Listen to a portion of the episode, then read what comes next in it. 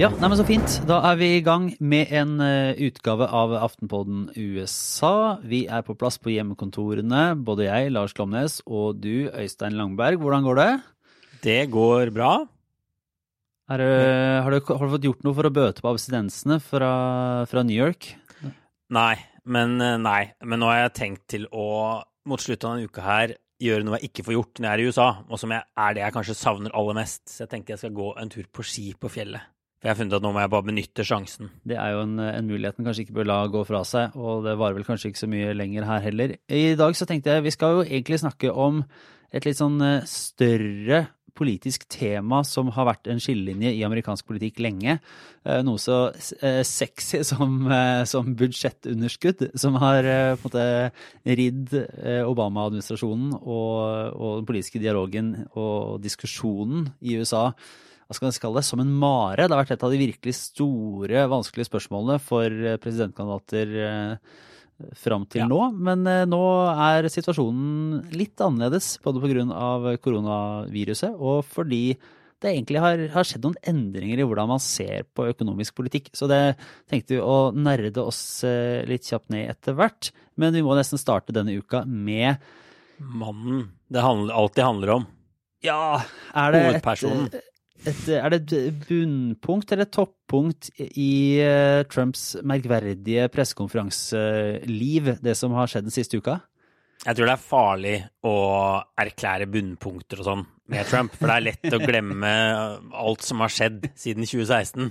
Uh, eh, men det har vært en Det må kunne kalles en vanvittig uke, selv til Trump å være. Det har skjedd ekstremt mye.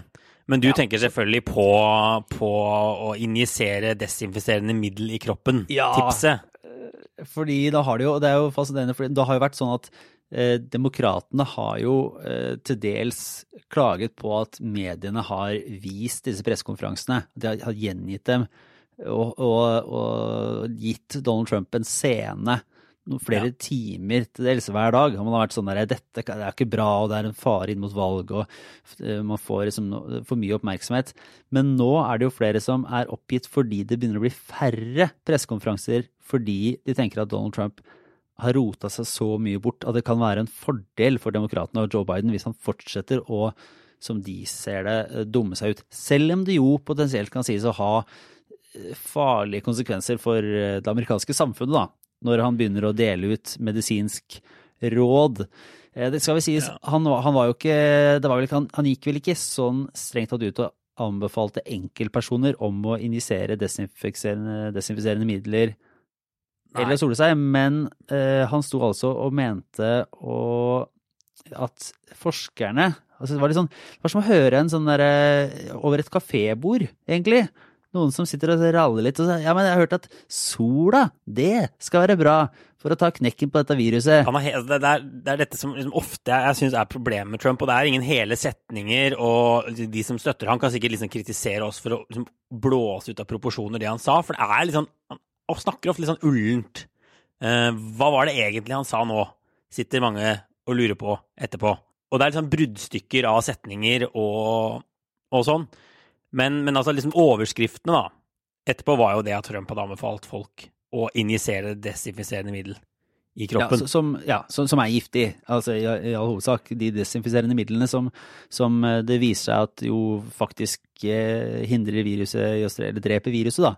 Altså sånn altså klorin eller eh, Ja, altså de store klorprodusentene i, i USA, som, som, vi har hjemme på kjøkkenbenken ja. eh, i New York, gikk jo ut og sa ikke sant, ikke drikk dette. Det gikk, altså, ting går veldig fort. Eh, så det var åpenbart sånn det ble plukka opp. Og man kan, ja. man kan, le av det, på en måte, men det er jo også helt ekstremt. Fordi han, det, han, han spekulerte jo da, så det drodla seg liksom gjennom litt om, om det ikke var sånn at hvis solskinn eh, dreper viruset, og man kanskje kunne bruke solskinn både på utsiden av kroppen og inni kroppen. Jeg er litt usikker på hvordan han hadde tenkt å gjøre det. Men, øh, og dette at han da hadde fått med seg at øh, desinfiserende middel kunne drepe viruset på bare, bare, få minutter. Og at det også kanskje var noe man kunne prøve å kikke litt på, om ikke det gikk an å få det til å fungere inni kroppen også. Ja. Og da, da var det jo noen eksperter som i etterkant måtte komme ut og rydde litt opp og si at det er det vel det er det vanskelig å, å se at kan gå. Og Ja. det er ingenting som tyder på at det er en veldig veldig lur løsning. Men den, denne, eh, denne pressekonferansen som ble sett på som et mulig vendepunkt, og nå skal man igjen være forsiktig med å annonsere vendepunkter i Donald Trumps presidentkarriere, for det skjer jo stadig vekk. Men eh, det ser jo ikke så veldig bra ut for ham heller nå, når man ser på tall, Øystein. Nei, eh, og, og, og det var jo det vi snakket om, at disse pressekonferansene tar veldig mye, mye tid og tar veldig mye oppmerksomhet fra demokratene, men det er ingenting som tyder på, når man ser på meningsmålingene, at Trump at de er, tjener Trump, og heller ikke før. Det er derfor jeg synes det er litt sånn vanskelig å kalle det det store vendepunktet, fordi Trump har hatt en dårlig trend på målingene i flere uker, han. Selv om han har hatt disse pressekonferansene hver eneste dag. Så det er tydelig at det er ikke noe sånn effektivt botemiddel for å, for å få opp populariteten i folket. Eh, og så fikk denne ene pressekonferansen selvfølgelig ekstremt mye oppmerksomhet. Eh, og det kan godt hende den slår ut i enda mer negative målinger. Eh, den har i hvert fall fått liksom, overskygget alt Mm. av andre nyheter i USA, og var jo liksom en gullgruve for alle, også liksom komikere og alt mulig sånn. Eh, men, men det, det, det de sier, da, er at Trump han har, kan ikke holde disse ralliesene sine lenger, disse store folkeforsamlingene, politiske møtene, og at han har brukt eh, disse pressekonferansene litt på samme måten. Han liksom raser gjennom noen ting han må si på starten, og så begynner han med disse spørsmål-svar-greiene med journalistene, som liksom han vet at grunnfjellet vil ha. Ja, og som Eh. han liker å gjøre selv. Det er jo- litt av påstanden fra noen Ja. rapporter, at, at han måte, får energi av å drive den der kranglinga med mediene og stå og kjefte litt og stå og prate skit. da. Ja. Og det er noe som gjør at han føler at han får bidratt med noe i en tid som er ganske kjip, fordi han sitter jo også stort sett inne i Det hvite hus og får ikke gjort de tinga som gir eh, anerkjennelse, og, og, og får drevet liksom liv og valgkamp og sånne ting ute blant folk i så særlig stor grad. Han har vel faktisk Han klarte vel å komme med en slags feilopplysning der også, der han sa at han har sittet innelåst i flere uker. Det stemmer jo ikke, for han har jo vært på eh, opptil flere turer. Men eh, det er jo et mindre aktivt eh, liv og mindre oppmerksomhet enn det han er vant til å få når han ikke holder pressekonferansene sine. Og det var jo en av disse sakene om livet hans og hvordan det blir sett på hvordan han jobber, som også fyrte opp Trump veldig i den uka som gikk, der New York Times skrev litt om hvordan han måtte, satt og så på TV til langt på natt, eh, fyrte seg opp, eh, kom seg inn på pressekonferansene, men slet med å, å få tak på denne krisa. da.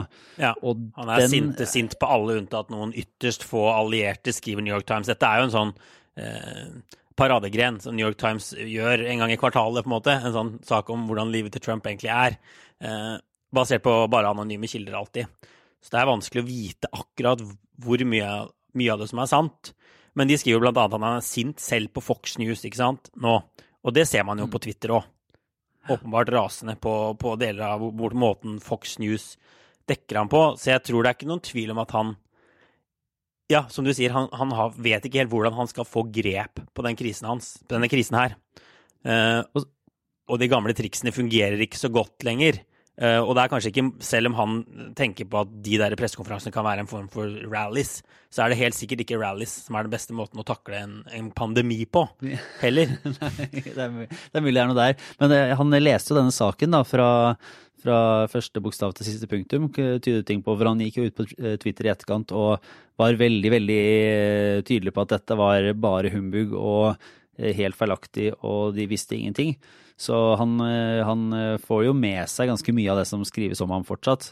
Ja. Så det var jo ikke så, det var jo, kom jo ut plutselig en sak her i, eh, i etterkant av dette som framsto litt som noe som var planta av hans rådgivere og ville bøte litt på dette, om hvordan han jobber så veldig hardt da, i New York Post, som takker Ja. seg at han særlig fokuserte New York Post på hvor, hvor lite tid han hadde til å spise lunsj. Det var jo store deler av saken. Masse ulike kilder som sa ofte rekker han ikke mer enn ti minutter, eller kanskje han ikke rekker å spise lunsj i det hele tatt. Eh, Så det er tydelig at de prøver å kjempe tilbake, og Trump skrev jo rett ut på Twitter òg at folk som kjenner meg og kjenner USAs historie, sier at jeg er en av de hardest jobbende presidentene vi noen gang har hatt, skrev han jo på Twitter.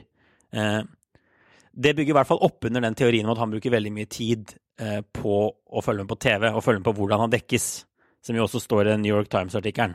Og så skal vi jo si at uh, dette, denne liksom ønsket om å, å, å få, se videre på mulighetene for å få sol og desinfiserende middel inni kroppen, det avviste han jo i etterkant som sarkasme og et, uh, noe han sa for å se hvordan mediene reagerte.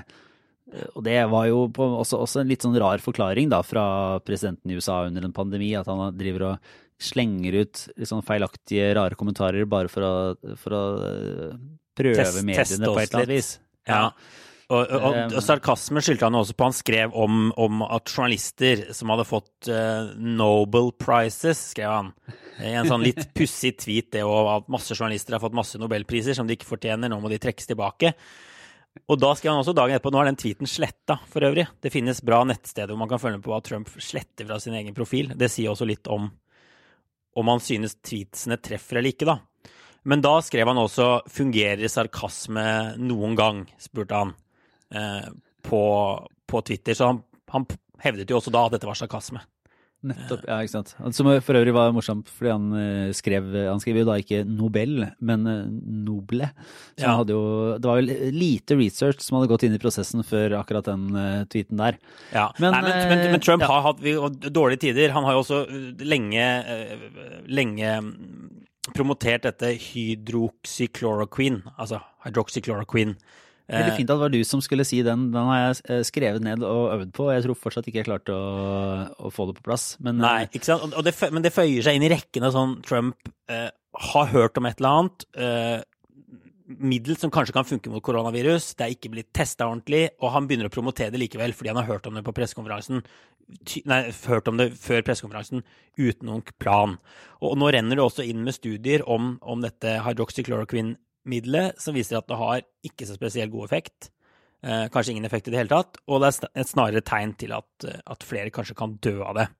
Og så er ikke dette, dette, dette er tidlige studier, ikke sant? Det kan hende det har en effekt, men det bare understreker hvor farlig det er å begynne å promotere sånne ting før man Vet, aner ja. om det fungerer eller ikke. Og, og i det, det, tilfellet så er dette medisiner som har blitt kjøpt inn i store kant av eh, ulike amerikanske stater, eh, må man anta, basert bl.a. på en slags tro eh, på at presidenten har informasjon om at dette faktisk skal virke. Mm. Det er flere stater som har kjøpt inn flere titusener med doser av dette her. Eh, ja, før man helt vet hva det er, og i håp om at det skal fungere. Og foreløpig så ser det ikke sånn kjempelovende ut. Nei, så, så, så, det er liksom mye som har gått gal vei. Mediene er også fulle av sånne saker om, om republikanske strateger som sier at nå ligger Trump dårligere og dårligere an. Uh, det begynner å bli en sånn nervøsitet på republikansk side for om dette helt tatt kommer til å være mulig å vinne dette valget til høsten.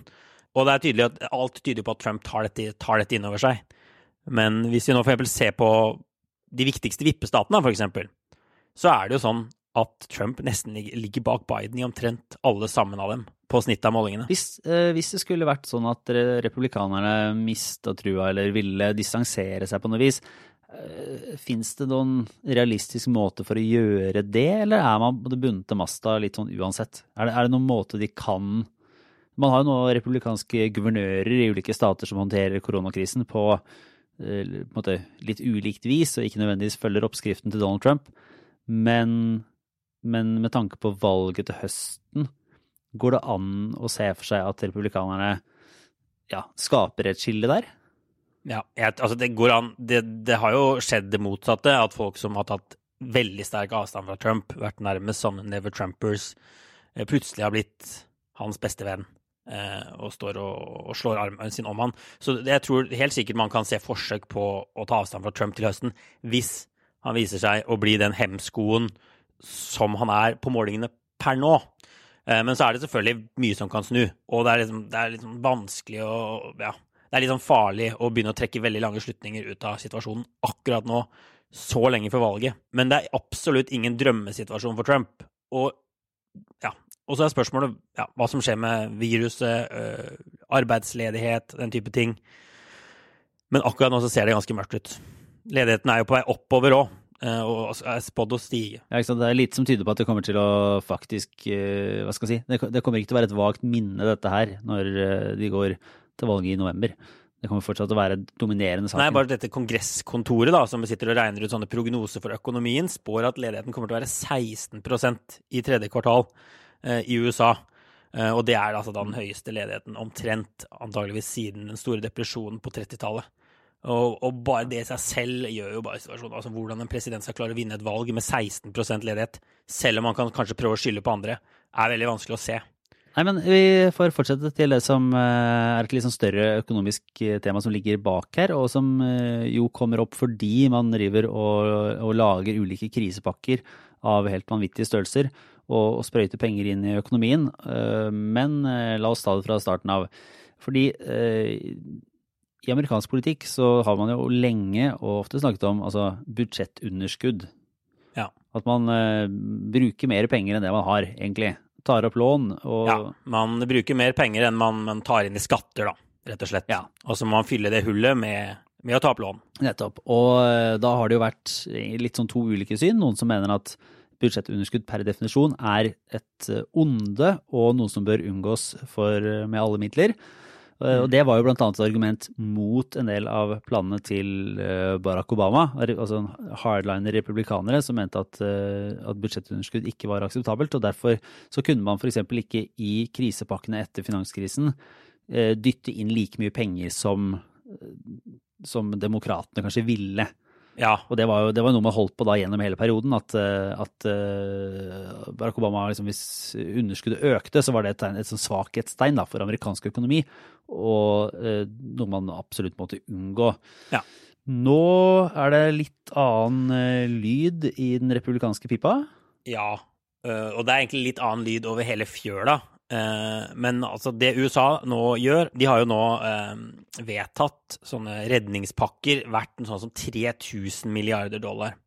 Eh, og det Obama med nød og neppe fikk gjennom i finanskrisen, var en redningspakke på 800 milliarder dollar. Så det de har vedtatt nå, er bare vesentlig mye større. Og det fører til at budsjettunderskuddet i USA kommer til å bli det høyeste siden ja, 1945-1946. Altså siden andre mm. verdenskrig. Eh, så det er det de styrer mot nå. Og så er det i tillegg snakk om nye pakker oppå der igjen. Så gjelden eser også ut i en voldsom fart, og kommer også til å fort vekk bli den høyeste siden, uh, siden 40-tallet. Og så er spørsmålet hvorfor ikke flere er bekymra, for det, det, er nesten helt sånn slående hvor lite diskusjon det er om hva dette vil ha å si på lang sikt, om man burde holde igjen mer, om, om det er farlig med et så stort budsjettunderskudd. Uh, det har det nesten, mm. nesten vært tyst om. Og noe av det er helt sikkert taktikk. Altså, denne gangen så uh, har republikanerne presidenten, og de vil vinne valget til høsten. Og da er de mye mer villige til å bruke penger, og demokratene kan få gjennom ja, noen De vil jo for det første hjelpe befolkningen, uh, og kan også få gjennom noen av de politiske prosjektene de har drømt om i lang, lang tid. Mm. Så de ser sitt snitt til det nå. Men er det eh, Og da, da er de Ja, da bare Da dytter man på.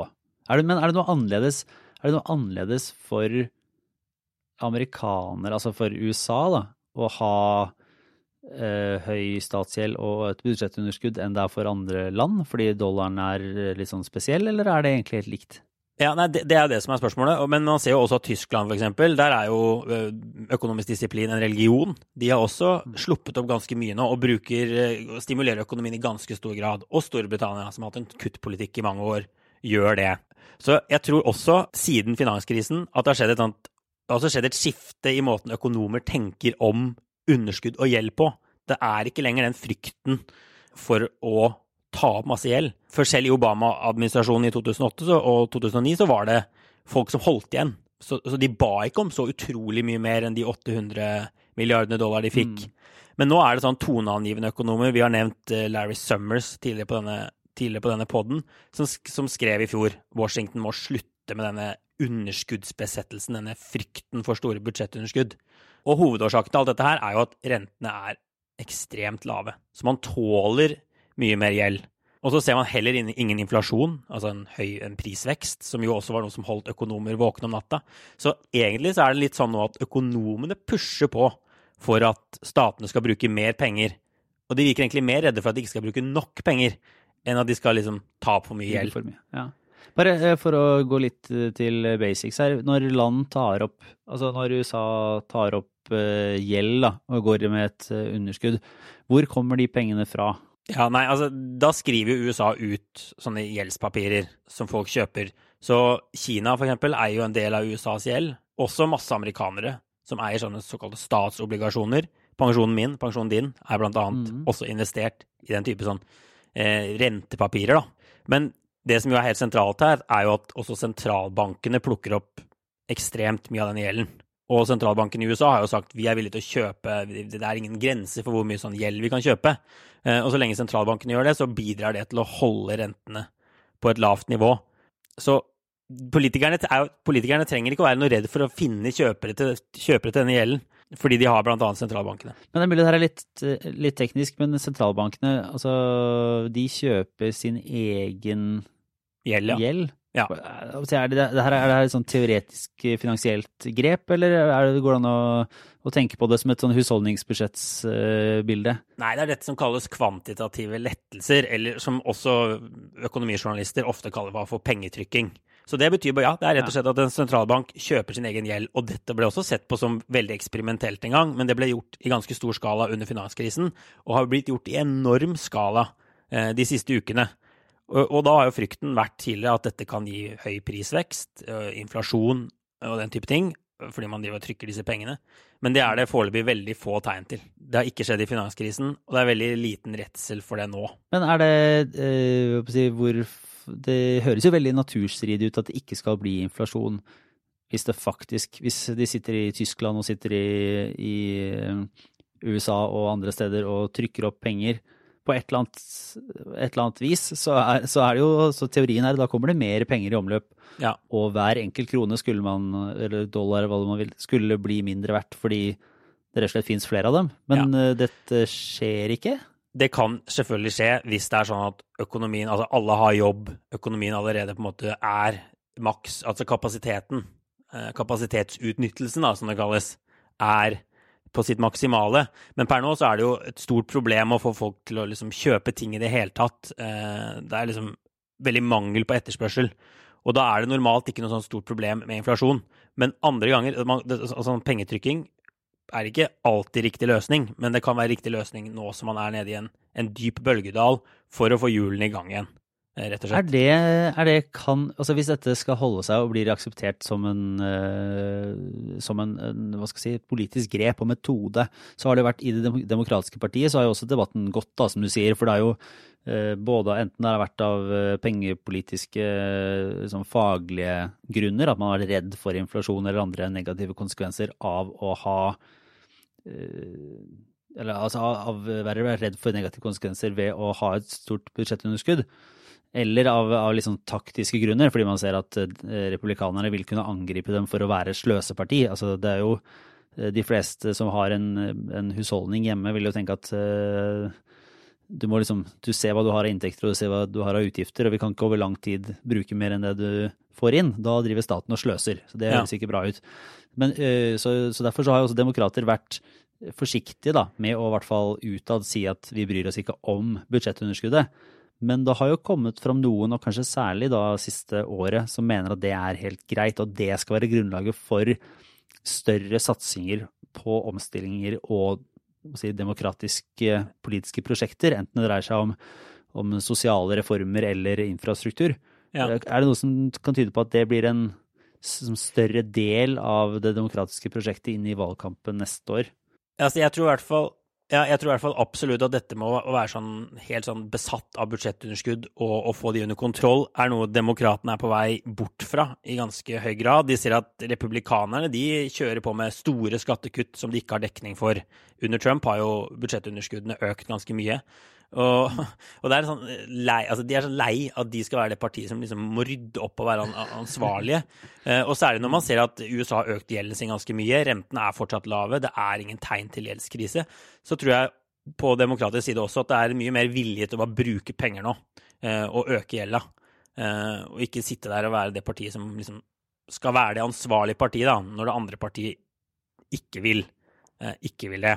Og så er det en sånn egen sånn økonomisk teori som, som har fått ganske mye popularitet ute på venstresiden, som heter Modern Monetary Theory. Som, som går ut på Det er en ekstremversjon av det vi har snakket om nå, da, men de sier alle stater som kontrollerer sin egen valuta, de kan bruke mye mer penger enn de tar inn i skatt. De kan bare, måte, bare kjøre på med pengebruk inntil inflasjonen går opp. Men, men altså poenget er at du, skal, du, kan, eh, du, kan, kjøre på til inflasjonen går opp, og så vil det fortsatt være trygt. Fordi at du kan se at ok, nå, begynner, nå blir det inflasjon, da skrur vi igjen. Trekke, da må du skru igjen, skru igjen krana, ja. ja. Og de sier liksom så lenge du kontrollerer egen valuta og har en sentralbank, så kan sentralbanken gjøre sånn som nå, kjøpe all denne gjelda, bare. Som jo er en kontroversiell teori, men, men ja, som, som, har litt sånn fotfeste ute på høyresiden. Mm. Så jeg tror i hvert fall man kommer til å se mye mindre altså Demokratene kommer ikke til å gå til valg nå på uh, vi skal få budsjettunderskuddet under kontroll igjen. Nå går de til valg på uh, helseforsikring, uh, alle disse tingene. Ja. Og hva de skal gi det... til folket. Og, og, bare for å si det da, til slutt Det som jeg tror det dette hele denne hendelsen med koronakrisen har vist, og disse enorme redningspakkene, er jo litt hvilken kapasitet staten har til å kaste seg rundt når den må. Og det kan bli vesentlig vanskeligere å si i ettertid at nei, det har vi ikke råd til, nei, det har vi ikke råd til, nei, det har vi ikke råd til. Når man nå plutselig kunne bruke, finne 3000 milliarder på så kort tid. Det til slutt på dette her, eh, i hvilken grad kunne dette overføres til eh, norsk oljepengebruk? For det, eh, er det det samme dersom man ikke tar opp gjeld, men bruker inntekter man får, i større grad? For nå er det, du ser jo litt det samme i, i Norge, men der har jo alle alle er jo egentlig enige om handlingsregelen, eh, bortsett fra deler av Frp, mm. eh, vel, som, eh, som, vil si at nei, vi skal være veldig forsiktige. Noe handler om å spare til eh, framtida, ja. og det er vel bedre å ha penger på boken og måtte ha stor gjeld uansett. Men når det gjelder pengebruk, ja. betyr det at den samme liksom, teori, økonomiske teorien gir seg gjeldende på, på, ja, på penger du har? Altså, Norge er i en helt annen situasjon, selvfølgelig, men det kan godt hende at det, kan bli noe vanskeligere å, å ha kontroll på, på, oljepengebruken etter det her. Og så har jo ikke Norge så mye gjeld. Ja, men ligger det, men ligger, det, ligger det, i gjelden, eller ligger det i pengebruken? da? For at du kan si at Norge har jo ikke så mye gjeld, men de har jo Det trenger vi jo ikke ha, men du kan jo bruke du kunne jo spytta i litt sånn som deler av Frp har ment, i f.eks. infrastruktur. da, Så har du kunnet bruke mye mer enn enn det handlingsregelen tilsier, eh, og det vil fortsatt være, liksom, være, bra. Er det de samme økonomiske teoriene som slår inn på, på pengebruk og gjeld? Ja, altså, altså, hvis man tar den, denne, liksom, denne, denne, teorien, da, modern monetary theory, mm. på Norge, så tror jeg at det samme vil gjelde i Norge. At man kunne brukt Man kan bruke mer penger eh, og gå med underskudd. Eh, og, og, man finansierer det med gjeld eller oppsparte midler. Da vil du da bruke opp de oppsparte midlene dine, og så må du ta gjeld etterpå. Men de vil jo bare ta til orde for at det kan de gjøre så lenge ikke inflasjonen er i ferd med å løpe løpsk. Men dette er som sagt en ganske kontroversiell teori, og det er jo et stort spørsmål hva som skjer med denne enorme gjelda alle disse landene tar opp. Er de heldige, er de heldige så, er, rentene, så, vil rentene holde seg lave i lang tid. Den vil være mulig å betjene. Men det er ingen som vet dette helt sikkert. Og problemet med den, denne modern monetary theory-teorien er jo også at det er ikke sikkert man får kontroll over inflasjonen når den er i ferd med å spinne ut av kontroll. Det har man jo sett mange ganger. Så ja. ja. Nei, men det er fint. Da, selvfølgelig, da fikk vi jobba oss godt ned i, i, i, teorien. Det er gøy å, gøy å høre. Jeg lurer på Vi skal fortsette til en liten runde med obligatorisk refleksjon. Ja. Og skal vi se, kanskje jeg skal begynne? Ja. Jeg kan egentlig, Min, min lille eh, anbefaling som et lesestykke er jo da et, eh, et essay av George Packer som skrev i The Atlantic her, og det har jo blitt ekstremt mye lest og ekstremt mye delt. Og det dreier seg da om, om eh, den analyse egentlig av det amerikanske systemet, og, og bruke bildet da på koronavirusets på en måte evne til å ramme eh, et samfunn med underliggende sykdommer, da. Du har lest den du også, har du ikke, Øystein? Du får, uh, får støtte opp eller korrigere. Jo, nei, det høres riktig ut. Den har vært, ja. Ikke sant? Og, og, ser da på at det amerikanske systemet, fordi det har en, eh, som Packer sier, da, et liksom forvitret byråkrati, en eh, ustabil politisk ledelse, et, eh, et, et partisystem fylt av mistro og mange sånne ting som, som ikke fungerer, da, så, så, er USA en pasient som da håndterer denne, dette viruset mye dårligere enn det en frisk pasient ville klart, og, og peker litt på at andre land som har bedre immunforsvar sånn sett da, i i statsvitenskapelig forstand eh, håndterer dette bedre. Og så er det et Jeg vil si det er godt eh, Det er god lesning. Det er skrevet veldig godt. Ja, veldig vakkert skrevet, syns jeg. Ja. Så, så, man leser det. Og så satt jeg jo i etterkant gjennom det sånn, og prøvde å tenke på om det er uh, om det er innsiktsfullt og presist, eller om det er en form for sånn fluff og, og på en måte slå inn åpne dører for en gjeng med folk som allerede mener alt dette her. Altså det, liksom, det, det, bare gjentar det som eh, sånn typisk liksom østkystliberale eller europeere vil ha ment i lang, lang tid. da. At eh, det peker på det sånn selvpisking av det amerikanske systemet og et uh, store forskjeller og et dårlig helsevesen og alle de tingene. Ja som gjør at uh, det kan deles på sosiale medier og være lett å lese og fyre seg oppover, som sånn, uh, sånn rage-bait. Men at det jo egentlig det, det, det, peker kanskje ikke noen sånn tydelig vei fremover, da.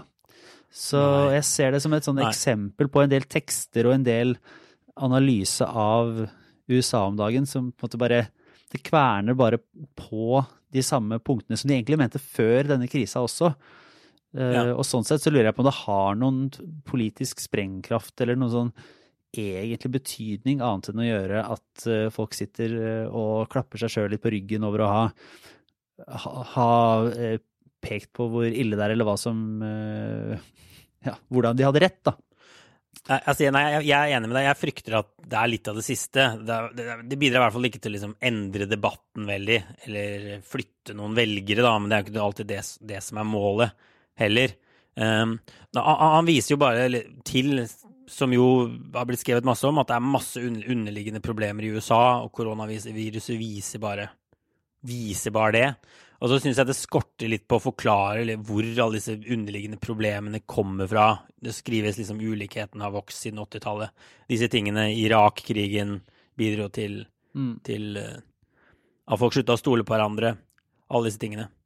Uh, så ja, jeg, så jeg bare jeg, den, eh, jeg leste den med interesse, og, og, det gikk unna, og det var fint skrevet. Men jeg ser at noe av sånne større samfunnsanalytiske tekster som kommer i disse dager pga. koronaviruset, er litt sånn eh, fluff og godteri og hva heter det, raske karbohydrater. Og du fyrer deg opp i starten og det føles deilig, men du sitter egentlig ikke igjen med med det sånn i, i, veldig nyttig grad i etterkant. Så Nei, og det er jo en lang kritikk av Trump-administrasjonen også i, i, den teksten. Så det er sikkert derfor mange liberale vil, vil, like den. Og så er det jo også sånn at mange andre land Det er jo ikke bare USA som har håndtert koronaviruset dårlig. Det er jo land i, i Sør-Europa som man kan argumentere for at ja, altså USA hadde kanskje mer tid, da, men man kan argumentere for at de har gjort det like dårlig. Ja, på tross av at de har mange ting som, som eh, amerikanske liberalere ville ønske. Da. Så det, det, selvfølgelig, det foregår, foregår, jo enormt mye politisk debatt og også mer konkrete ting eh, enn dette. Men eh, ja, jeg vil egentlig prøve å, å, jakte på og finne noen eh, enda tydeligere liksom, politiske løsninger og, og, diskusjoner på hva som, hva som kan endres da, hvis man godtar premissene i tekster sånn som Packers, som føyer seg inn i en, eh, en eh, tradisjon i disse dager. Som, eh, som sånn, den, den, type selv, selvkritikk som vel kanskje ikke er så mye selvkritikk som det er et angrep på de, de som styrer i dag. Men det ja. er nå så. Ja. Og du, Øystein? Altså, jeg har sett på denne nye TV-serien som har kommet, som heter Mrs. America. Som ja. går på HBO, og som handler om Altså, det har egentlig flere hovedpersoner, eh, men serien jeg si handler om dette Equal Rights Amendment, som altså var et sånt grunnlovstillegg om likestilling mellom kjønnene, som man forsøkte å få vedtatt i USA på 70-tallet. Og man fikk den gjennom, med stor margin i Kongressen og Senatet. Den ble undertegnet av presidenten, og så måtte da 38 delstater skrive under. Eh, så da startet man en stor prosess. Man må ha tre fjerdedeler av delstatene for å få et grunnlovstillegg vedtatt, da, på ordentlig.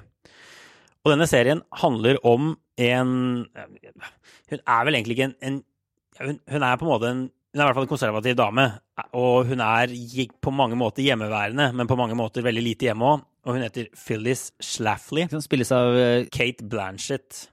Og gjør, hun gjør, altså Kate Blanchett gjør en helt fantastisk jobb. altså Jeg vil anbefale denne serien på det varmeste. Og hun, Schlafly, klarer på mange måter å stoppe stoppe hele dette likestillingsgrunnlovstillegget nærmest egenhendig ved å starte en sånn husmorprotest eh, mot måte, den store feministbevegelsen da, som er i, i USA på, på 70-tallet. Er det en slags sånn omvendt Erin Brockowitz som eh, for de konservative amerikanerne tar Ja. kampen mot det liberale etablissementet. Ja, men den har ikke sant, den, den er nok skrevet fra et liberalt perspektiv også. Mm, Altså, Schlafly har noen sider man sikkert kan like, men, men man misliker henne nok mest. eh, sånn som den serien er skrevet. Og så følger den også blant annet hun, altså, kjentfeministen Gloria Steinem, flere av de andre, i noen av episodene. Eh, Så man ser det fra litt, litt ulike perspektiver. Men det som jo er helt fascinerende, er jo denne, denne, dette grunnlovstillegget som ble vedtatt, men aldri ble skrevet inn i Grunnloven på 70-tallet, ennå ikke er vedtatt. Før hun Schlafly lyktes jo med denne kampanjen sin. Eh, og de kom alle til disse 38 statene. Så fortsatt har ikke eh, den amerikanske grunnloven et sånn likestillingstillegg i seg. Men hva, hva var argumentasjonen til uh, Schlafly? da? Var det at, at, eh, måte, at det egentlig ligger inne, eller var det at det vil virke på en måte aktivt destruktivt? Eller altså, hva var, hva var argumentasjonsrekka, egentlig? Hun lyktes veldig godt med å fremstille hele grunnlovstillegget som en trussel mot, eh, mot liksom husmors hjemmeværende kvinner. Hun skremte med sånn kjønnsdelte toaletter. Hun skremte med, med kvinnelig verneplikt. Med, med, med dårligere skilsmissevilkår for, for kvinner. Så hun gjorde det på en måte Ja. Hun fikk på en måte en del kvinner over på sitt lag, da. Ja, nettopp at kvinner er- ville miste rettigheter. Ja, man, eh, hjemmeværende gjennomførte kvinner ville miste rettigheter hvis disse liksom gærne feministene fikk det som de ville, var, var hennes uh, argumentasjon. Uh, og denne kampen om dette grunnlovstillegget pågår fortsatt. Uh, jeg tror det var i fjor, det kan ha vært i år, at, at det faktisk var sånn at 38 stater hadde, hadde vedtatt det. Men det har egentlig, fristen har egentlig gått ut for lenge siden, så nå er det en stor kamp i rettssystemet om det faktisk kan vedtas og den type ting. Eh, men dette er altså noe som pågår den dag i dag, så det er absolutt verdt å se. Det må føres opp på koronalista, tenker jeg. Mrs. America. Yes. Nei, men så fint. Da tror jeg vi runder av for eh, denne gang. Så er vi tilbake med en eh, torsdagsutgave på torsdag, hvis alt funker som det skal. Det er litt så spennende hver uke nå i disse koronatider på om, om alle har mulighet til å være med, eller om det blir utsatt litt sånn på tid, og, når vi får lagt ut og sånne ting. Men vi gjør i hvert fall vårt beste hele veien for å holde rytmen gående, så det tror jeg vi skal klare denne uka her også. Og da kan jeg bare fortsette med å anbefale at eh, de av dere som allerede abonnerer på Aftenposten, kan gå inn og abonnere på Aftenpoddens eh, nyhetsbrev, som kommer hver torsdag, med lenker til ting vi har snakka om, anbefalinger og det viktigste å få med seg fra uka som har vært. Så da kan du gå inn på aftenpodden.no og skrive deg på der, så kommer det rett i innboksen på torsdag. Så det er gode greier. Nei, men eh, tusen takk, Øystein. Så er vi snart tilbake. Ha det bra. Ha det.